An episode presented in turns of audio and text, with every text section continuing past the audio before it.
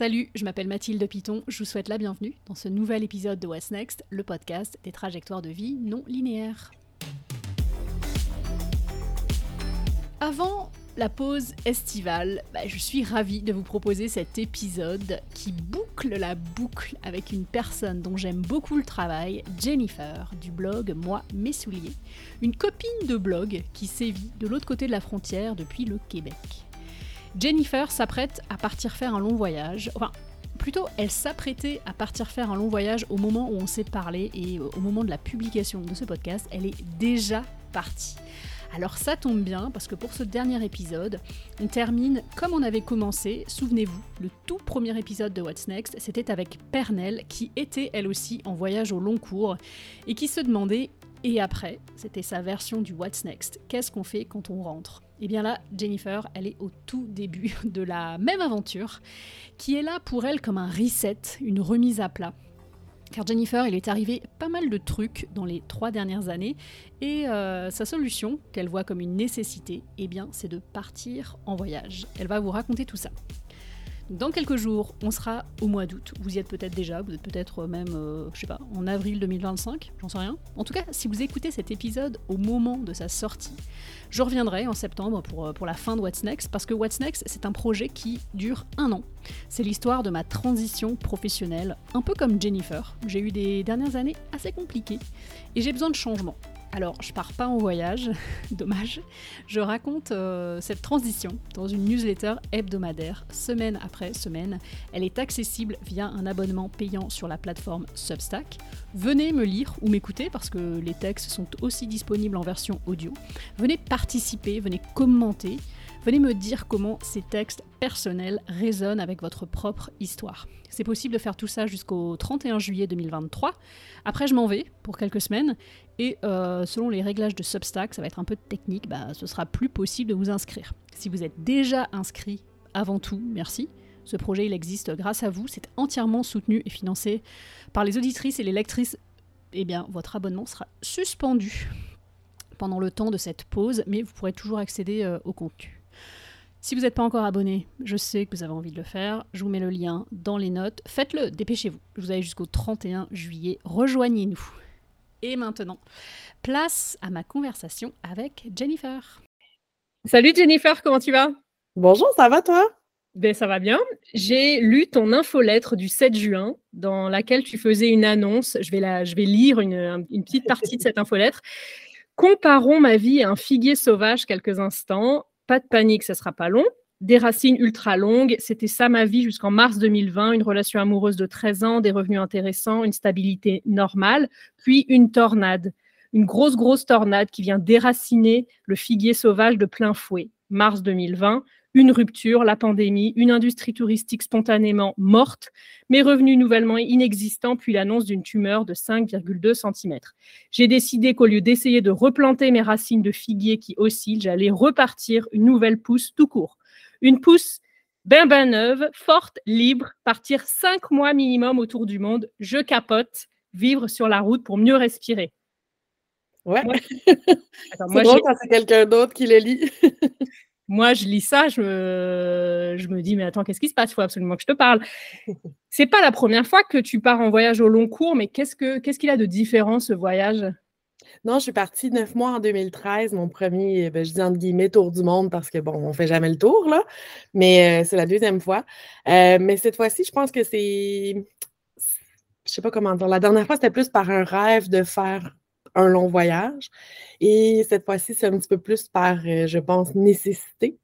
Euh, je, bon, nécessité, on s'entend, là. Personne n'a la nécessité de voyager cinq mois, mais euh, pour moi, c'était comme beaucoup de choses avec la. J'ai racheté la maison, je me suis retrouvée seule à gérer la maison, le côté financier, tout ça aussi, avec des revenus bas parce que la pandémie est évidemment a été difficile en tourisme.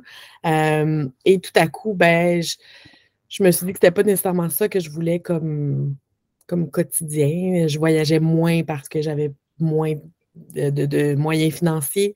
Et je me suis dit non, c'est vraiment pas ça. Donc, j'ai décidé de vendre ma maison. Puis là, ben, avec les trucs de santé qui sont toujours pas réglés, heureusement, euh, j'ai appris que ma tumeur n'était pas cancéreuse, donc ça va mieux de ce côté-là. Mais je l'ai encore, puis c'est encore un risque dans un sens parce que les assurances ne veulent pas m'assurer en voyage pour ça. Euh, donc, tu sais, il y a plein de choses, puis j'ai décidé que pour moi, ben, la manière de d'appuyer sur le bouton euh, reset, là, de recommencer, c'était de, vendre la maison, de partir, puis de me laisser le champ libre, dans le fond la première chose, c'est de voyager, mais on va voir si je rachète, si je loue, si je continue à voyager. Euh, pour le moment, j'ai des plans de voyager de juillet à décembre, puis de revenir parce que j'ai des obligations de conférence qui euh, m'obligent à revenir. Mais j'ai aucune idée de ce qui va se passer après. Donc, euh, c'est un peu le, désir de, je ne sais pas, d'avoir un tableau blanc. Est-ce que tu sais au moins quelle est ta première destination? Oui, je connais mon trajet de presque exactement jusqu'en décembre, parce que je pars aussi en juillet. En juillet, euh, c'est la haute saison, donc euh, partir sans réservation, c'est rendu impossible ou presque avec euh, les changements aussi dans la pandémie qui ont entraîné les gens à réserver beaucoup plus. La spontanéité est un petit peu plus difficile. Mais je pars dans les Balkans. En fait, Europe de l'Est, Balkans. Je commence en Slovénie. Puis je descends euh, jusqu'en Albanie et je remonte ensuite Belgrade. Donc, je vais faire Croatie, Monténégro, Bosnie, Albanie, Serbie.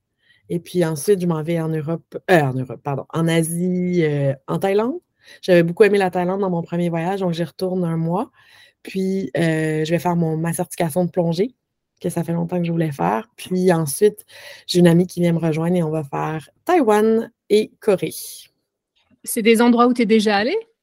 Euh, seulement la Thaïlande. Les autres, c'est que du nouveau. C'est bien, tu commences par un coin où tu vas peut-être faire un peu de plage, mais est-ce que c'est ton programme la plage ou est-ce que toi, ton programme, c'est visite? Euh? Ben là, c'est sûr qu'en audio, on ne le voit pas, mais j'ai la peau très, très blanche. Donc, la plage n'est jamais mon programme parce que sinon, je meurs comme un homard au soleil. Mais euh, non, j'aime bien quand même le, la plage, puis je vais y aller quelques heures et tout, là, mais je ne suis pas un lézard de soleil euh, du tout. Moi, c'est plutôt le côté culturel. Euh, c'est, en fait, c'est un endroit ben, je dis un endroit comme je mets tout le monde ensemble dans les Balkans, mais c'est un coin du monde que je connais très, très peu, que je pense que la plupart des gens connaissent très, très peu, mais qui a une histoire très récente dont on a vaguement entendu parler. Peut-être en Europe, toi, un petit peu plus que moi, mais euh, donc je je suis curieuse de voir ce que c'est. Les paysages sont magnifiques. donc, c'est un mélange, je dirais, nature, culture, euh, gastronomie, puis un peu de, plage, évidemment.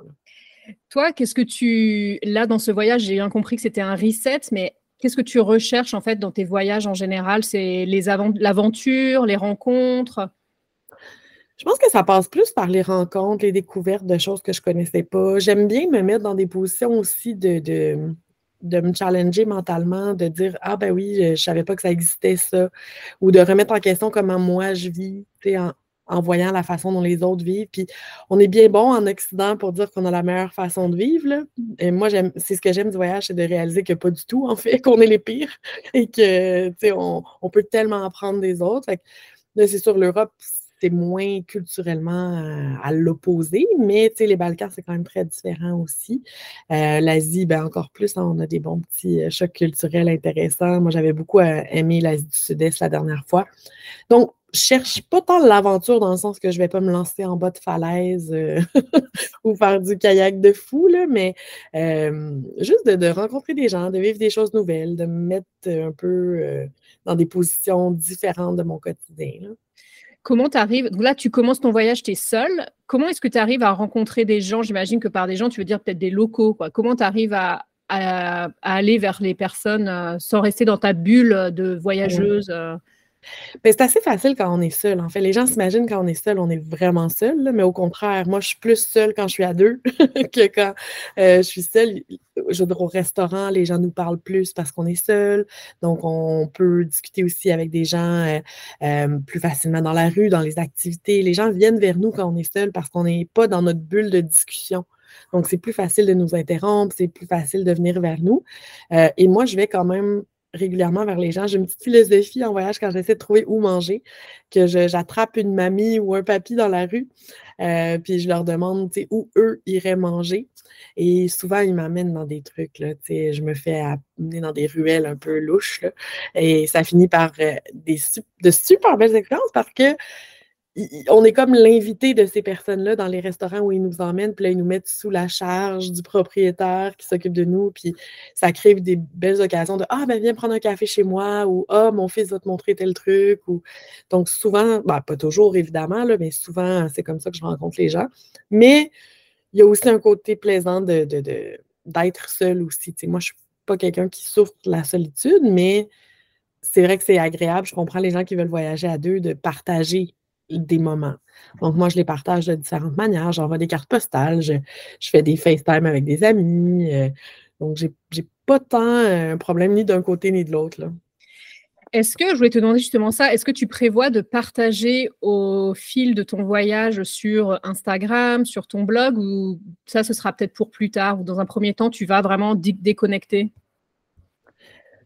Je vais partager, je vais partager comme surtout en story spontanément là, sur Instagram, peut-être un peu de TikTok. Euh, je ne me donne pas d'obligation de partager quoi que ce soit. Je n'ai pas de partenariat, j'ai pas. Euh, euh, donc, c'est un peu différent de quand je suis invitée par le travail et tout. C'est vraiment un voyage pour moi d'abord, mais c'est sûr que je vais partager parce que ne serait-ce que les gens sont impliqués aussi par, tu as vu l'infolette que j'ai envoyée, les gens sont, sont curieux d'où je vais ah partir, qu'est-ce que je vais voir.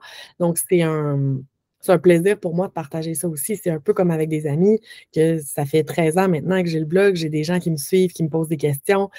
Tu sais, j'adore partager, puis c'est aussi de la bonne information parce que j'ai du mal à trouver de l'information pour certaines destinations en français. Donc, je trouve ça agréable aussi de dire, ben au moins, tu sais, je peux contribuer en en, en, mettant en ligne. On reparlera du blog euh, un peu après, mais tu sais, dans ce podcast, on parle euh, donc de trajectoire de vie non linéaire, mais on parle beaucoup de travail. Mais je voulais d'abord parler de ton voyage, parce que c'est quand même le truc le plus important a priori pour l'instant. Mais comment est-ce que tu réponds à la question que fais-tu dans la vie quand tu rencontres quelqu'un? Je ne sais pas si on dit comme ça euh, aussi au Québec, vous dites ouais, dans la vie, mais qu'est-ce que tu as quand on te pose cette question, qu'est-ce que tu réponds? Euh, moi, je dis que je suis rédactrice voyage parce que je n'ai pas que le blog. Je fais aussi de la rédaction pour d'autres plateformes. Je fais la mise à jour euh, de guides voyage aussi pour euh, Lonely Planet, pour les guides Ulysse. je fais un peu de tout, mais le, dénominateur commun, finalement, c'est la rédaction. J'enseigne aussi au cégep, qui est un niveau collégial ici. donc, mais j'enseigne la rédaction web. Fait que tout est lié de près ou de loin à jouer avec les mots. Là. Fait que des fois, à la blague, je dis que je joue avec les mots professionnellement. Et qu'est-ce que c'est en général les premières réactions? Parce que j'imagine que pour des gens, c'est, ça fait rêver ce genre de métier. Oui, bien c'est sûr que ce qu'on entend par là, c'est moi avec un mojito sur la plage. c'est pas tout à fait la réalité, mais je pense que tu en sais quelque chose. Hein, mais euh, les gens sont toujours Ah oui, c'est quoi ton pays préféré? Euh, ou comment tu gagnes ta vie avec ça? C'est toujours l'argent, la question là, de Ah oui, on peut faire ça, ou bien Ah, moi aussi, je veux faire ça, comment je fais? mais je pense que j'ai un avantage d'avoir commencé il y a longtemps. Là. Je dis à la blague que je suis une mamie du, blogging. Là. Euh, au Québec, on n'était pas beaucoup. Donc, euh, ça fait longtemps, donc j'ai réussi à avoir une base solide qui me permet de faire ça à, 100% sans nécessairement vendre quelque chose. Je n'ai pas de produit, je n'ai pas. Euh, par contre, ben, c'est un travail. Les gens voient le côté agréable. Puis effectivement, j'adore ce que je fais. Je ne changerais ça pour rien au monde. Mais c'est un travail parce qu'après le, le, test du restaurant ou l'activité, ben, il faut aller écrire. On a le blog à entretenir, tout le côté technique, l'informatique qui plante. Le, on a un million de choses à faire. Donc, c'est vraiment pas aussi euh, glamour que les gens pensent. C'est pas aussi merveilleux. Euh, mais oui, c'est un travail merveilleux que je ne changerai pas. Ton, ton blog, donc moi, mes souliers, tu l'as lancé en 2010. Et le paysage euh, des blogs, il a beaucoup changé en 13 ans. Hein, ça, ça, a vraiment changé. Ouais. Qu'est-ce qui, euh, qu'est-ce qui te motive encore pour poster? Ben, j'ai toujours écrit ce que j'avais envie d'écrire. J'ai jamais écrit pour l'argent, j'ai jamais écrit pour l'affiliation, j'ai jamais écrit pour le référencement. Oui, je, faisais attention à ça parce qu'il faut si on veut que Google nous aime, mais j'ai toujours écrit parce que j'avais envie. Je pense que c'est ça qui a fait que je me suis pas essoufflée dans le sens où j'ai pas fait des trucs contre contre mes désirs ou contre euh, ce qui me passionnait vraiment. Puis je me suis permis des pauses aussi. je me suis permise de, de, ralentir quand j'avais besoin de ralentir. j'ai pas, je sais pas comment dire, je ressens pas d'obligation à faire ce que je fais. Je le fais parce que j'aime ça. Fait que je pense que ça, ça m'aide beaucoup. puis bon, tu sais, dans la pandémie, j'ai vraiment presque mis complètement sur pause. Puis j'en paie le prix aujourd'hui en termes de, visibilité, les, chiffres et tout, mais je pense que ce qui est important, c'est que quand on écrit, ça vienne vraiment du cœur, que ce ne soit pas des machines là, qui écrivent, puis surtout maintenant à l'ère de l'intelligence artificielle. Euh, puis ça, ben, ça, se transpose. Quand j'écris quelque chose, les gens commentent en me disant ah, c'est bien, c'est le fun, on te suit, on sent ton émotion. je pense que c'est ça qui a fait que je suis encore là. Si on reprend vraiment au tout départ, donc quand tu es, euh, as, je sais pas, 20 ans, tu fais tes études, déjà, quelles études tu as fait? Ouais, mon parcours n'est pas linéaire. C'est parfait pour ce podcast. Euh, j'ai étudié en langue, donc euh, ce qui est l'équivalent, ben, le collégial ici, là, un peu le lycée si on veut, c'est études linguistiques. Donc j'avais de l'espagnol et de l'allemand parce que j'avais fait l'espagnol à l'école secondaire. Puis ensuite, j'ai adoré l'allemand. Euh, je pensais faire l'espagnol, mais mon prof d'allemand était absolument magnifique et il m'a donné le goût d'apprendre l'allemand. Mais je n'étais pas trop certaine si je voulais vraiment faire ça à l'université, là, euh, complètement me mettre là-dedans. Donc, j'ai pris une année sabbatique entre le cégep et l'université et je suis allée c'est un peu une constante dans ta vie, l'année sabbatique. tu me fais réaliser. oui, c'est vrai, mais en même temps, je suis du genre à comme tester les eaux avant de faire quelque chose aussi. Fait pour moi, il n'y a pas de. Je suis chanceuse que mes parents n'aient jamais mis de pression non plus pour avoir un métier euh, ultra payant. Ou, ils ont toujours dit si tu aimes ce que tu fais, go, fais ce que tu veux. Parce qu'on s'entend quand on dit je m'en vais étudier en langue, euh, les perspectives financières sont, sont, assez minces, mais mes parents étaient comme tu vas trouver, tu vas trouver quelque chose que tu aimes, c'est ça l'important. Et donc, ben, pour moi, c'est important de voir que j'aimais réellement assez l'allemand pour faire trois ans d'université là-dedans. Euh, je suis allée deux mois en Allemagne en sac à dos. C'était mon premier voyage sac à ah. dos. Euh, j'ai travaillé aussi, mis des sous de côté et j'ai adoré. Donc, euh, je me suis inscrite en études allemandes à l'Université de Montréal. Puis, euh, j'ai été une des 12 personnes dans mon programme parce que personne n'étudie l'allemand euh, ou presque. Et j'ai fait trois ans de bac, un baccalauréat. Puis, mon idée, c'était d'être prof de grammaire allemande. OK. mais comme personne n'étudie l'allemand, les programmes ont été coupés. Donc, juste avant d'entrer en maîtrise, ils ont coupé la maîtrise en enseignement, euh, coupé le financement et tout. Donc, j'ai dû un peu me, me retourner rapidement l'été juste avant de faire la maîtrise et j'avais un travail. Euh, et ce travail-là, ben, ils m'ont dit si tu ne penses pas aller aux études, nous, on peut te donner à temps complet 40 heures par semaine dans un autre département. Fait que je dis, ah ben oui, pourquoi pas. Mais je connaissais, mais c'était quoi comme travail? J'étais réceptionniste dans une firme euh, en informatique. Donc, euh, c'était un, un, travail étudiant, si on veut. Par contre, je suis bilingue, mon père est anglophone, donc euh, je faisais beaucoup de trucs pour eux, côté rédaction, traduction et tout. Et ils ont dit, ben, on a quelque chose dans un autre département. Mais moi, j'avais aucune idée. Et j'ai dit, ben oui, OK, je vais pas à l'école, donc euh, allons-y, je commence ma vie d'adulte, euh, travail à temps plein. Et, c'était dans le département des appels d'offres. Mais à ce moment-là, j'ai aucune idée c'est quoi un appel d'offres. J'ai aucune idée ce que ça implique. Et je suis un peu catapultée là-dedans. Et au final, ben, j'ai bien aimé euh, ce travail-là. J'étais très performante, j'aimais bien. Donc, je suis montée rapidement dans les échelons. je suis passée de la petite adjointe, qui, qui, qui, qui faisait les photocopies à coordonnatrice. Puis après ça, euh, on m'a recruté pour aller implanter des départements d'appel d'offres. Euh, ça a été comme assez rapide, je dirais jusqu'à jusqu'à 28 ans environ, j'étais là-dedans. Puis c'est très rare à Montréal. Donc, sans le savoir, j'ai été catapultée dans quelque chose qui allait vraiment me, me projeter rapidement. Sauf que. Euh, Qu'est-ce qui est très rare en fait à Montréal, c'est d'être à 28, ans, d'avoir déjà un poste euh, important? Non, c'est le travail comme tel. Comme directrice d'appel d'offres, c'est très rare. on était peut-être une dizaine, donc je me faisais souvent recruter. J'étais devenue populaire, si on veut, là, dans la scène des firmes de consultation en informatique. mais moi, je J'avais aucune idée. C'était un total hasard. Et donc, je me suis rendu compte que j'avais un métier lucratif et euh, j'avais un certain pouvoir de négociation. mais à un certain point, pour moi, c'était pas ça que je voulais. J'aimais le travail, mais je n'aimais pas l'environnement, j'aimais pas le côté corporatif, euh, le, le, 9 à 5, puis la culpabilité quand on demande des vacances, la culpabilité avant de partir et au retour de de devoir comme se prouver parce qu'on part en vacances. Et j'étais vraiment pas bien là-dedans. Ça allait au quotidien, mais je ne m'imaginais pas faire un autre 40 ans comme ça. Et un matin, euh, j'étais assise sur euh, le, bord de mon lit et je dis à mon ex, je peux pas. Je peux pas. Mais il me dit, ben, vas-y pas. Je dis, ben, il faut que j'aille, sinon, qu'est-ce que je fais? Puis j'étais comme ça tous les matins. Je y allais vraiment arculon.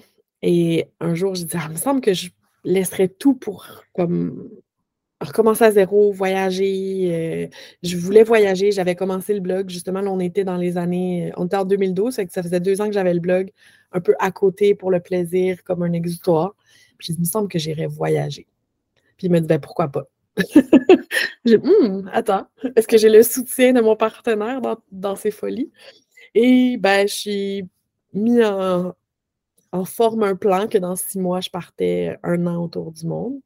Et euh, je ne l'ai pas dit à personne. J'ai économisé l'argent, euh, j'ai travaillé, j'ai changé d'emploi pour avoir un emploi encore plus payant, euh, le temps qui me restait avant de partir.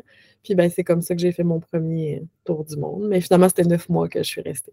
C'est marrant quand tu as fait cette année sabbatique, et puis là, tu te dis pour réfléchir, et puis là, tu. Oui. cette année pour dire, OK, je vais voyager, je vais prendre autre chose. Et toi, ton intention, c'était vraiment, je vais me changer les idées, et on verra quand je reviendrai comment, qui je serai, quoi. Ouais, c'est un peu ça. Ben, je me disais, c'est très populaire ce que je fais dans le sens où on, veut toujours de moi.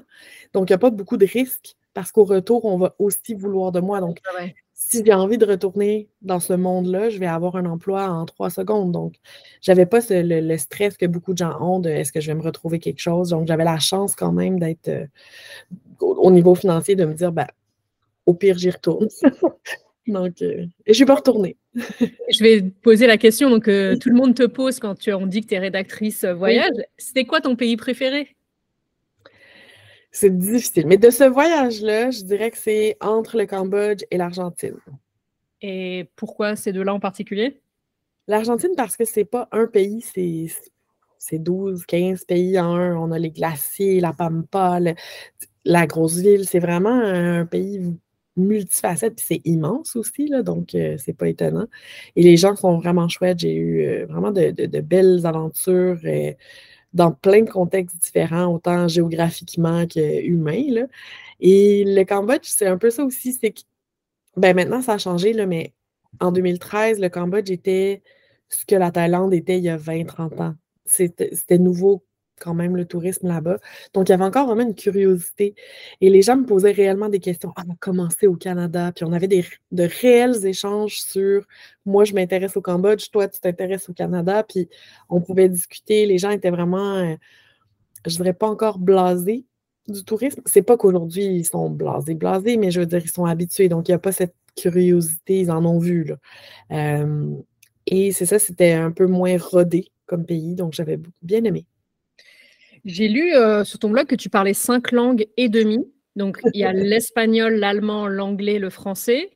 Et il m'en manque une et demie. L'italien. OK. Puis le, ben, demi, c'est même pas une demi. Je devrais dire un huitième, mais c'est l'arabe. Je, prends des cours d'arabe en ce moment. Ah oui, c'est vrai. Ouais. C'est pas, j'imagine que c'est pas facile à apprendre, non, comme langue? Non. Pas du tout, mais j'aime vraiment ça. Ben, j'adore les langues. J'ai étudié là-dedans. C'est quelque chose que j'ai quand même facilité avec euh, l'apprentissage de tout ça. Mais euh, j'aime aussi être un petit peu, euh, je sais pas comment dire, une, genre de rebelle. L'arabe, pour moi, c'est. Les gens sont très fermés à la culture arabe, à l'islam et tout. Fait moi, c'est comme une façon de dire, ben non, il y a quelque chose de riche à aller chercher là-dedans. Puis moi, je veux mieux comprendre. Euh, puis quand j'ai voyagé euh, Maroc, Tunisie, euh, Égypte, ben, je, trouvais ça dommage de ne pas avoir au moins un peu d'arabe classique pour pouvoir communiquer. Donc, je me suis dit, ah ben, je pourrais apprendre. Puis j'ai des amis marocains aussi qui, me disent que ça ne devrait pas être l'arabe classique, ça devrait être le marocain, mais bon, ça, c'est un autre, débat. Mais j'apprends doucement. J'ai deux cours universitaires de fait, donc je suis inscrite en études arabes. Quand tu es rentrée donc, de ces. Tu disais que c'était neuf mois en fait de tour du monde. Euh, donc, tu n'as pas repris ton travail dans les appels d'offres? Non, je suis restée vraiment euh, avec le blog. Je m'étais dit, c'était un peu l'âge d'or du blog aussi avec les partenariats. Euh, c'était nouveau et doucement, ben, je me suis dit, ah, je vais faire des contrats de traduction, des contrats de rédaction, je vais avoir un petit peu plus d'affiliation sur le blog, je vais faire des partenariats. Et bon, évidemment, ce n'était pas le même salaire, mais euh, doucement, ça s'est mis à être considérable dans le sens où je pouvais envisager faire ça pendant le reste euh, du temps. Donc, pendant le neuf mois, ça a été une espèce d'incubateur pour le blog, de voir si je pouvais euh, vivre de ça. Et au retour, ben, j'ai décidé de ne pas faire ce que je faisais avant, puis vraiment de continuer les, contrats. Et est-ce que ça a continué comme ça de faire du blog, de commencer à voir tes contrats, donc avec Ulysse, Lonely Planet et tout ça, jusqu'à la pandémie, ça a été le, coup d'arrêt? Ben, la pandémie, c'est sûr que euh, moi, ça m'a obligé à prendre des contrats dans mon ancienne vie. Donc, en informatique, je suis retournée travailler pour une firme d'informatique, faire la rédaction pour eux. Euh, mais ça a bien fonctionné dans le sens où ben, c'était chouette de faire un retour. Euh, ça a été un an pendant la pandémie financièrement, principalement. mais oui, jusqu'à la pandémie, c'était vraiment tourisme à 100% mais tu étais capable de reprendre dans le tourisme, tu n'avais pas besoin de faire de mise à niveau. Non, dans l'informatique, pardon, tu n'avais pas besoin de refaire de mise à niveau euh, quand tu as repris en 2020, quoi? Non, beaucoup de choses ont changé, les technologies ont énormément changé, mais mon travail à moi, c'est vraiment la rédaction technique. Fait que c'est jamais moi l'expert technique, dans le sens où euh, j'allais vers les gens qui connaissaient ça, ils, m'en parlaient, puis moi, je le vulgarisais pour les gens qui, comme moi, ne connaissent pas ça. Donc, c'était bien dans un sens que j'avais pas cette notion-là, parce que pour vulgariser, ça va toujours mieux. Donc, euh, ça allait. Mais ça a été une courbe d'apprentissage sur certaines technologies. Là. Mais donc, toi, c'est un peu mon instant nostalgie, mais quand tu étais dans ces années blogging où ça marchait bien, tu étais comment quoi? Tu te disais, euh, c'était quoi ton état d'esprit? Tu disais, je voyage, j'écris, euh, je multiplie un peu les, les, contrats droite à gauche de ce qui m'intéresse. C'était l'ébullition? Tu étais plutôt contente? C'était comment? Moi, j'adorais ça parce que pour moi, c'était plus une façon de faire que je voulais complètement comme travail. on peut accepter chaque contrat, on peut refuser chaque contrat. Je pouvais prendre du temps pour voyager ou rester à la maison et travailler. C'était vraiment plus, euh, j'aime pas dire liberté, parce que bon, dans le travail, il n'y a jamais 100% de liberté, là, mais je voulais vraiment comme euh, forger ma propre identité de travailleuse, finalement. Et c'est ce que j'aimais. Mais oui, euh, je reste ne sais pas comment répondre exactement à ta question, mais j'y allais plutôt au, jour le jour avec euh, bon, j'ai envie de faire ça, je vais essayer, j'ai envie de travailler pour tel client, je vais essayer. Euh, il n'y avait pas nécessairement de, de vision. assez ou de vision, ouais. toi, tu les, c'est toi qui les démarché, c'est toi qui as démarché le Lonely ou Ulysse et tout ça?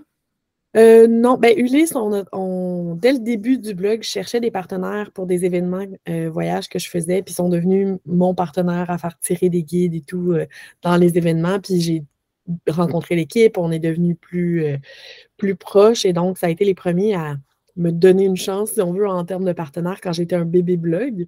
Et par la suite, ben, j'ai fait des petits, petits projets. je les ai aidés un petit peu à l'interne aussi pour leurs réseaux sociaux, les photos, etc. Puis doucement, j'aimerais bien faire un guide, j'aimerais bien faire un guide, puis il n'y avait pas de destination qu'eux avaient besoin, que moi je connaissais. Et ce qui est arrivé, c'est que j'avais un voyage prévu en Islande et eux cherchaient quelqu'un pour le guide Islande, mais n'arrivaient pas à trouver sur place. Donc, ils m'ont dit écoute, on va te donner une chance, on sait comment tu travailles, on sait que tu travailles bien, on va voir. Et moi, je suis partie un peu dans l'idée de ben, c'est ma chance. Donc, mon voyage est devenu du travail. Heureusement, l'ami avec qui je partais était gentil et ça ne lui a pas dérangé de un peu saccager ses vacances pour faire la recherche de guide. mais ça a été le début, dans le fond, avec les guides d'Islande. Puis par la suite, ben, ils ont aimé mon travail. J'ai fait d'autres guides, j'ai fait la mise à jour San Diego, Toscane. Puis c'est devenu une relation euh, durable là-dessus.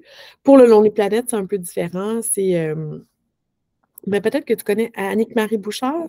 Oui, oui. Je la connais de, on ne s'est jamais parlé, mais je vois qui c'est. La Globe Stoppeuse, c'est une, une blogueuse, mon Dieu, si moi je suis une mamie, elle, c'est une arrière-mamie, oui, c'est ça, une ancêtre.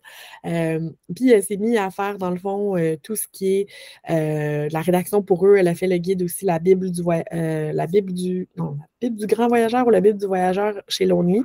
Et ils lui ont demandé, comme elle était québécoise, de faire le, le, Guide Québec. Elle l'a fait une édition, puis quand ils lui ont demandé de le refaire, elle, elle avait pas, elle a déménagé en France, puis ça ne lui tentait pas de le faire, donc elle a pensé à moi comme je faisais les guides Ulysse. Et c'est comme ça que j'ai rencontré l'équipe de l'ONU, puis que maintenant, c'est mon cinquième guide avec eux. Moi, je, je, t'associe vachement. Alors, c'est peut-être parce qu'à un moment, tu as, beaucoup fait des choses pour eux aux îles de la Madeleine. Oui, ben, je, les ai tatoués sur le cœur. J'adore les îles de la Madeleine, mais j'ai pas fait de, de travail de guide ou quoi que ce soit pour les îles. C'est vraiment, moi, je suis allée en voyage de presse en 2014 et je suis tombée amoureuse des îles. Je trouve que c'est un endroit définitivement dans le top 5 du monde. J'adore. Pour moi, c'est les gens. Les gens sont magnifiques, les paysages sont magnifiques, la gastronomie est magnifique. Ça a tout ce que j'aime en voyage. Et euh, ben, je me suis attachée à des gens là-bas, j'ai des amis, euh, ce que j'appelle ma famille des îles. Et j'y retourne, euh, ça fait plus de 20, je pense que ça doit faire 25 fois depuis 2014, des, séjours de semaine, des séjours d'un mois. Donc, je suis vraiment attachée aux îles. Puis j'ai fait beaucoup, beaucoup d'articles. J'ai mon groupe aussi Facebook sur Voyager aux îles de la Madeleine. Donc, on m'associe beaucoup à ça parce que je suis une ambassadrice sans l'être. Mais euh, bon, moi, je pars dans demain. Alors, au moment où on enregistre le podcast, demain, je pars euh, à Montréal. Bon, on fait un petit stop dans le Vermont. Euh, c'est vrai que c'est un endroit où j'aime bien retourner, mais moi, j'ai jamais fait de tour du Québec. Donc, c'est vrai que je pense oh! que c'est quelque chose qu'il faut que je fasse. Et je sais que je oui. ton blog pour euh, un vrai tour du Québec. Quoi. Ce que j'aime bien aussi chez toi, outre je sais que tu es l'ambassadrice non officielle des îles de la Madeleine, c'est tous les trucs sur la food que tu fais, tous les trucs sur la nourriture, tous tes partages. Tu as un groupe Facebook aussi spécifique sur ça, non? Oui, ben les gens, finalement, je me suis rendu compte qu'ils sont moins intéressés là, à être dans un groupe sur la nourriture parce que ceux qui sont là-dedans sont plus dans les recettes. Donc, j'ai migrer ça finalement avec mon groupe euh, voyage classique, là, puis je l'entretiens moins maintenant, le groupe sur la nourriture, mais mes articles sont toujours sur la nourriture. Fait quoi manger, où manger. Euh, chaque destination a ce, type d'article-là, donc c'est vraiment des choses que j'écris souvent. J'adore ça, donc euh, pour moi, c'est un plaisir de, manger. Je vais, je rends visite à des amis ce week-end, mais est-ce que t'as pas, il n'y a pas une ou deux adresses C'est quoi les, les incontournables de Montréal? C'est un peu vague, hein je, ben, je vais répondre vaguement aussi. L'incontournable, c'est vraiment d'aller bruncher. Donc, de manger un brunch, euh, que ça soit euh, un brunch comme deux œufs bacon très nord-américain ou vraiment les, les brunchs un peu plus fancy de certains restaurants. Mais il faut absolument que tu ailles bruncher. C'est dans notre culture le week-end d'aller bruncher. Et sinon, ben, il faut manger la poutine. la fameuse poutine québécoise, ça, c'est comme, c'est un incontournable. D'ailleurs, j'ai un deuxième blog en anglais qui s'appelle Chasing Poutine, fait que j'ai pas le choix de te dire d'en manger, mais je pense que c'est déjà fait euh, tu as sûrement déjà goûté. J'en ai déjà goûté. En fait, la première fois que j'en ai goûté, c'était à Portland, dans le Maine, parce qu'il y a un, resto qui s'appelle Duck Fat. Ils font tout avec du canard et ils avaient fait une poutine. Et moi, je ne savais absolument pas que c'était une spécialité euh, euh, québécoise. Et je vois ce mot français euh, qui sonne français sur la carte et j'ai appris après que c'était québécois. Et à chaque fois qu'on va à Montréal, effectivement, on se mange une poutine, même si là, ce sera début juillet et qu'il va faire chaud.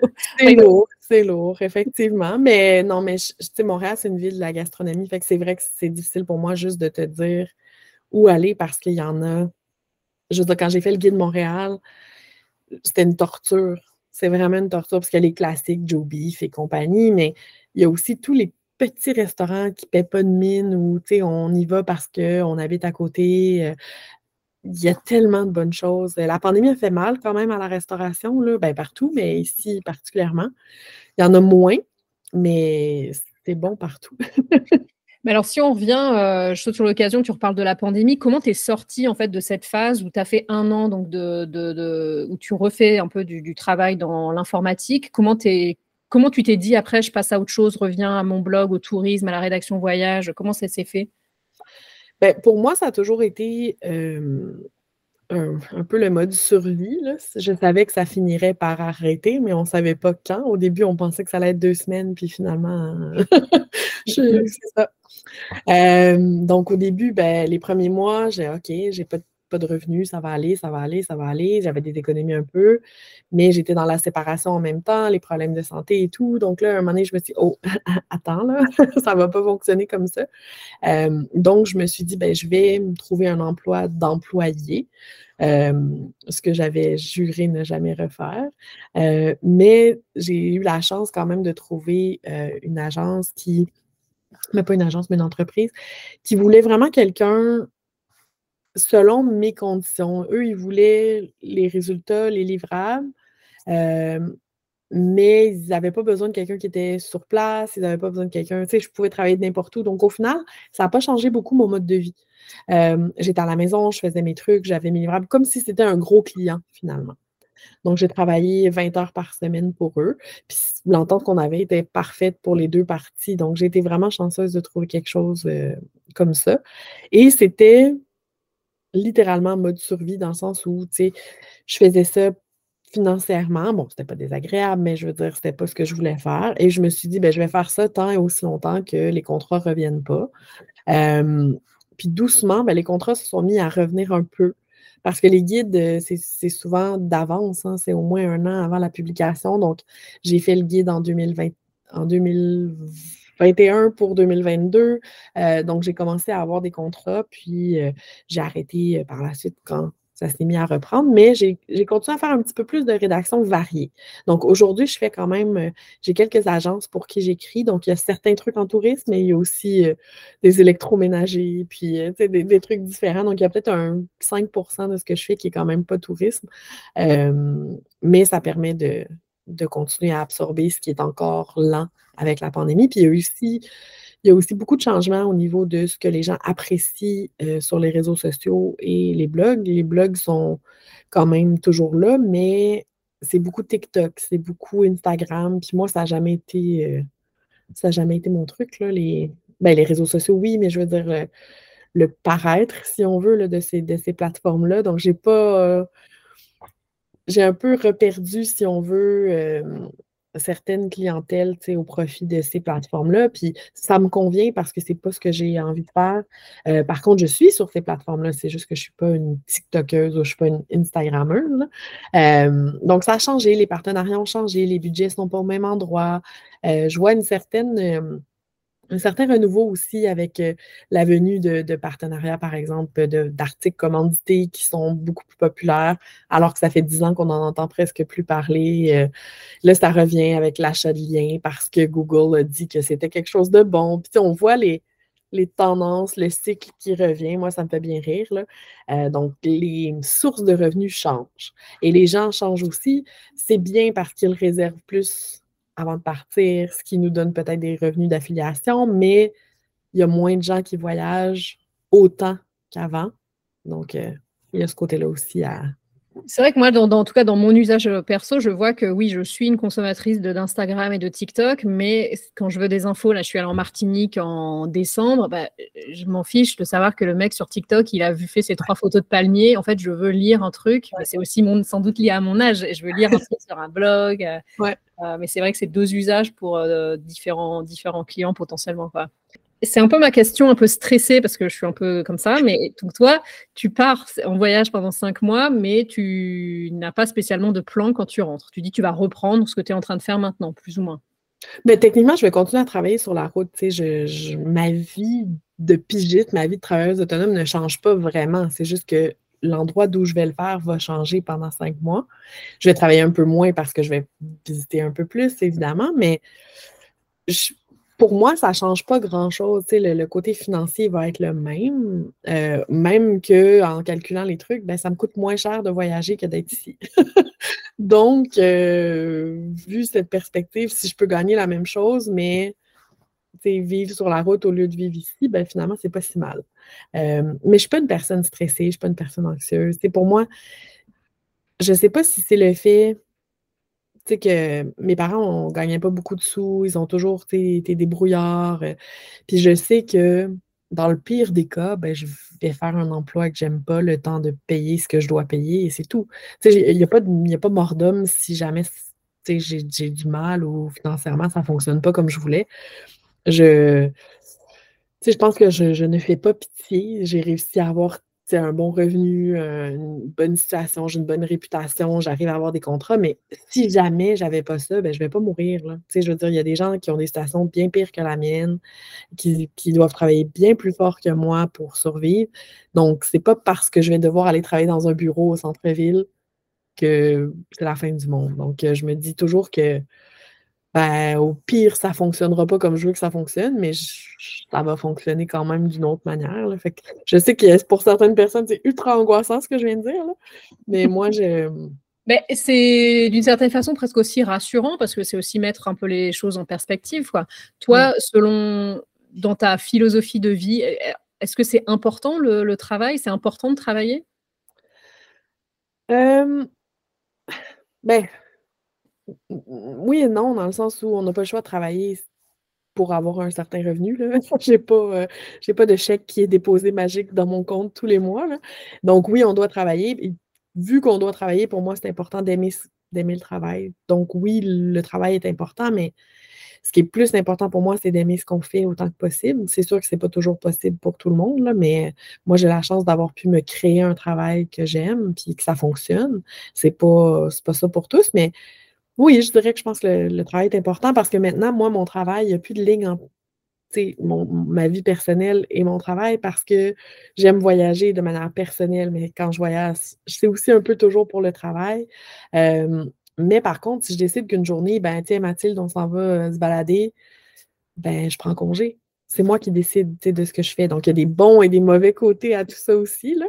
Mais moi, euh, moi, je ne changerais pas ça, sauf que euh, il y a des désavantages. les gens voient vraiment tout le côté, comme je disais tantôt, le côté glamour. Euh, euh, oh wow, elle fait que se balader, voyager autour du monde. Mais en ce moment, je suis en train de terminer un film dont je fais le montage sur l'Allemagne pour les aventuriers voyageurs qui vont être présentés dans les cinémas au Québec. Puis je suis dans le rush total. je, ça me dépasse, puis je déménage vers la maison, je prépare mon voyage, je pars dans trois semaines. Je, suis une loque humaine en ce moment. Et je, fais que ce que je dois faire. Donc, c'est aussi ça, tu sais, c'est qu'il y a des mauvais côtés à, être travailleur autonome parce qu'on est responsable de tout. Puis à 5 heures, ça euh, ça se termine pas. Il n'y a pas, je ferme l'ordinateur, je m'en vais chez moi. Tu sais, quand on est à notre compte, ben, on doit livrer ce qu'on doit livrer, peu importe ce qui se passe dans nos vies. Il y a plein de, de, choses, mais moi, je gère assez bien ça quand même. J'ai lu sur, ton, sur tes différentes plateformes et sur ton blog que tu faisais des conférences, mais j'ai pas réussi à voir en fait euh, qu'est-ce que c'était exactement, à qui tu les fais, est-ce que c'est en ligne, est-ce que c'est en personne? Ben, c'est un peu des deux, mais c'est surtout pour d'autres, dans le sens où c'est des bibliothèques ou des centres culturels qui vont me contacter et me demander de faire des conférences pour eux. Donc, des fois, c'est par Zoom, des fois, c'est euh, en personne dans les bibliothèques, surtout en personne.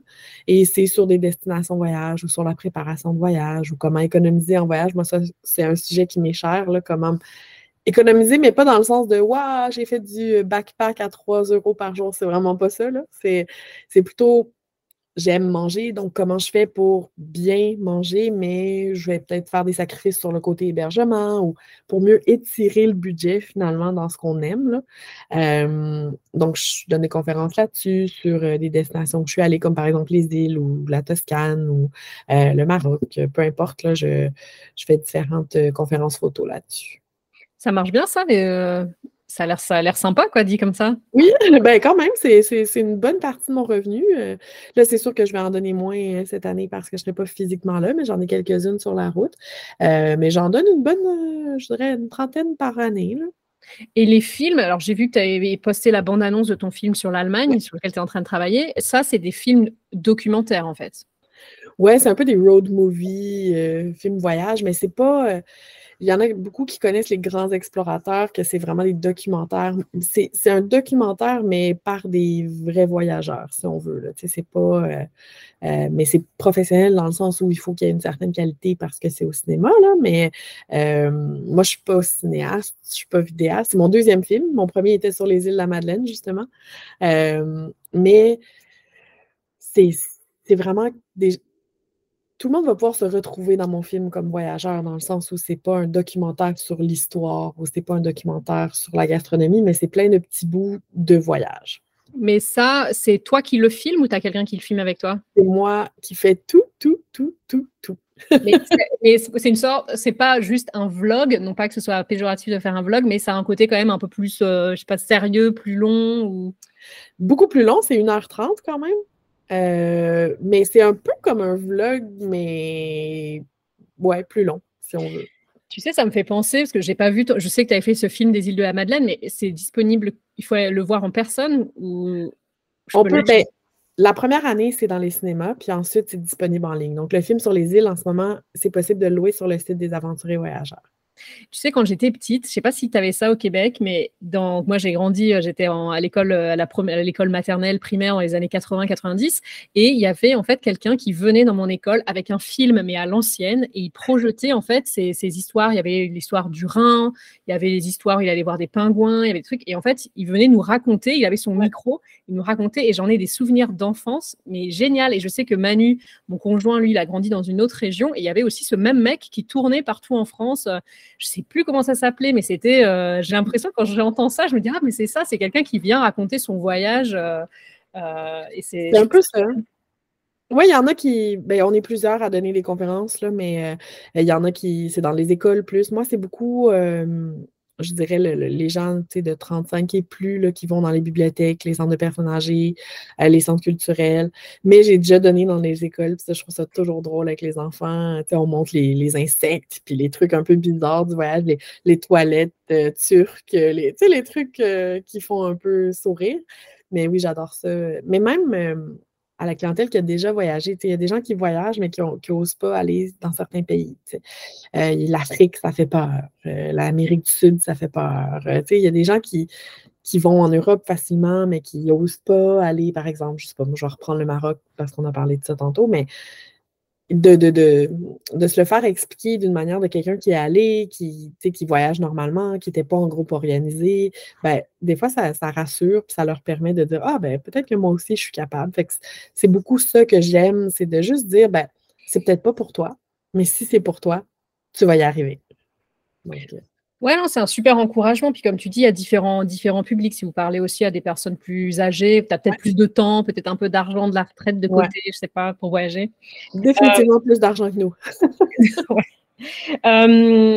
Qu'est-ce que je peux te souhaiter professionnellement parlant pour les deux, trois prochaines années à venir, même si j'ai l'impression que tu n'es pas trop du genre à planifier?